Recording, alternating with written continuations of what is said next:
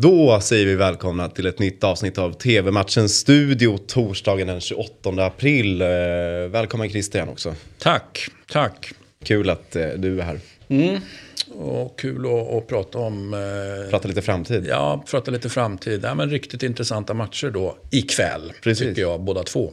Tycker jag med. Och eh, det är ju framtid vi kan börja med. Mötet mellan United-Chelsea som är en eh, match som ska egentligen komma längre fram. Men eh, den blir tidigare lagd på grund av en final som ställer till det. Mm.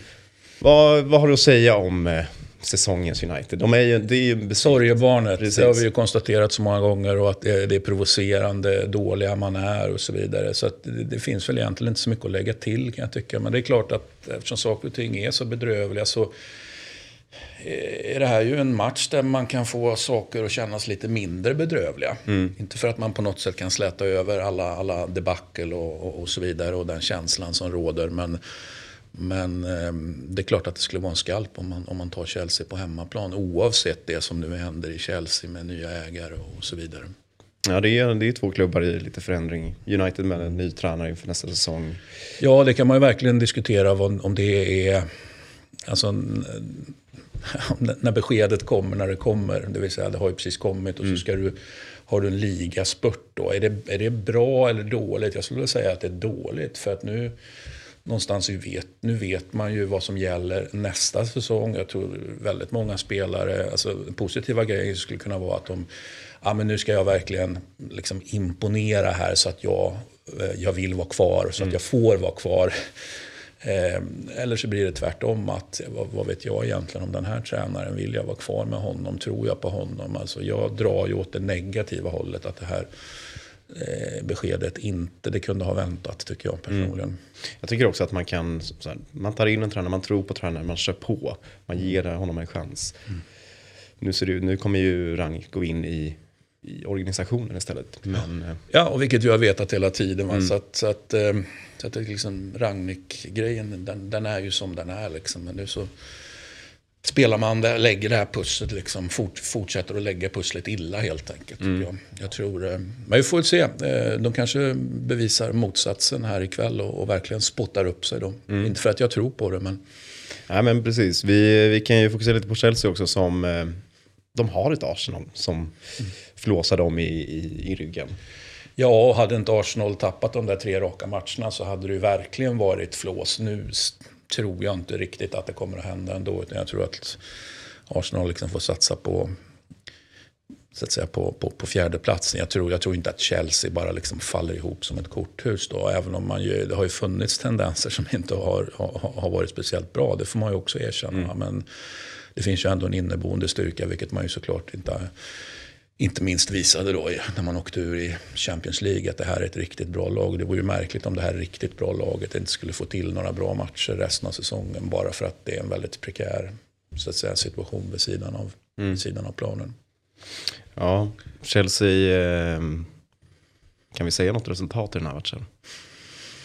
Nej, men det lär väl bli mål, ja, tänker jag. Det kommer det bli. Ja, nej, men jag, jag tänker en sån här 2-2 eller 2-3, någonting sånt. Det doftar kryss alltså? Främst? Ja, ja kan det göra. Kan mm. göra. Men jag tror på mål.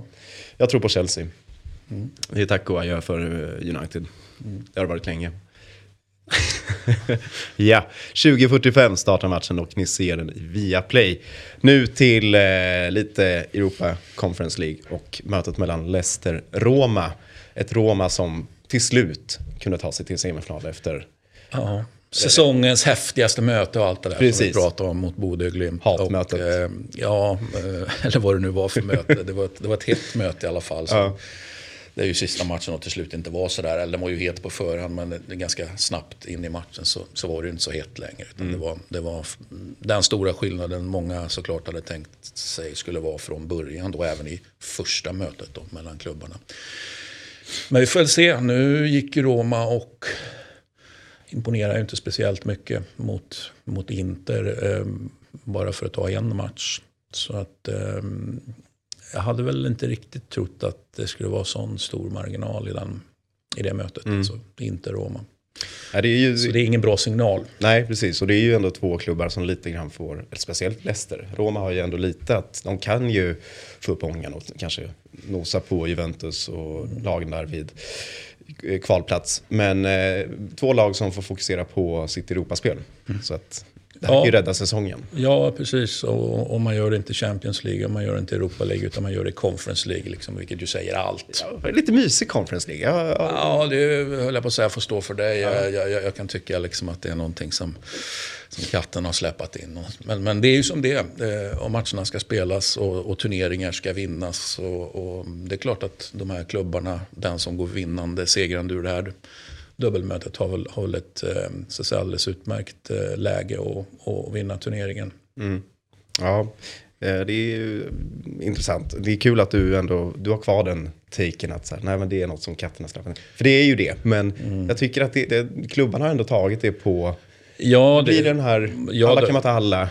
Ja, ja men det, alltså, jag, jag säger liksom inte att, att massor med, med klubbar och lag har, har skitit i det. det. Det är inte det jag säger. Men, men jag tänker väl mer på oss som supportrar att vi ska så att säga, eh, uppbåda någon slags så att säga, intresse. Visst, det kan vi göra i en del matcher, men rent generellt så...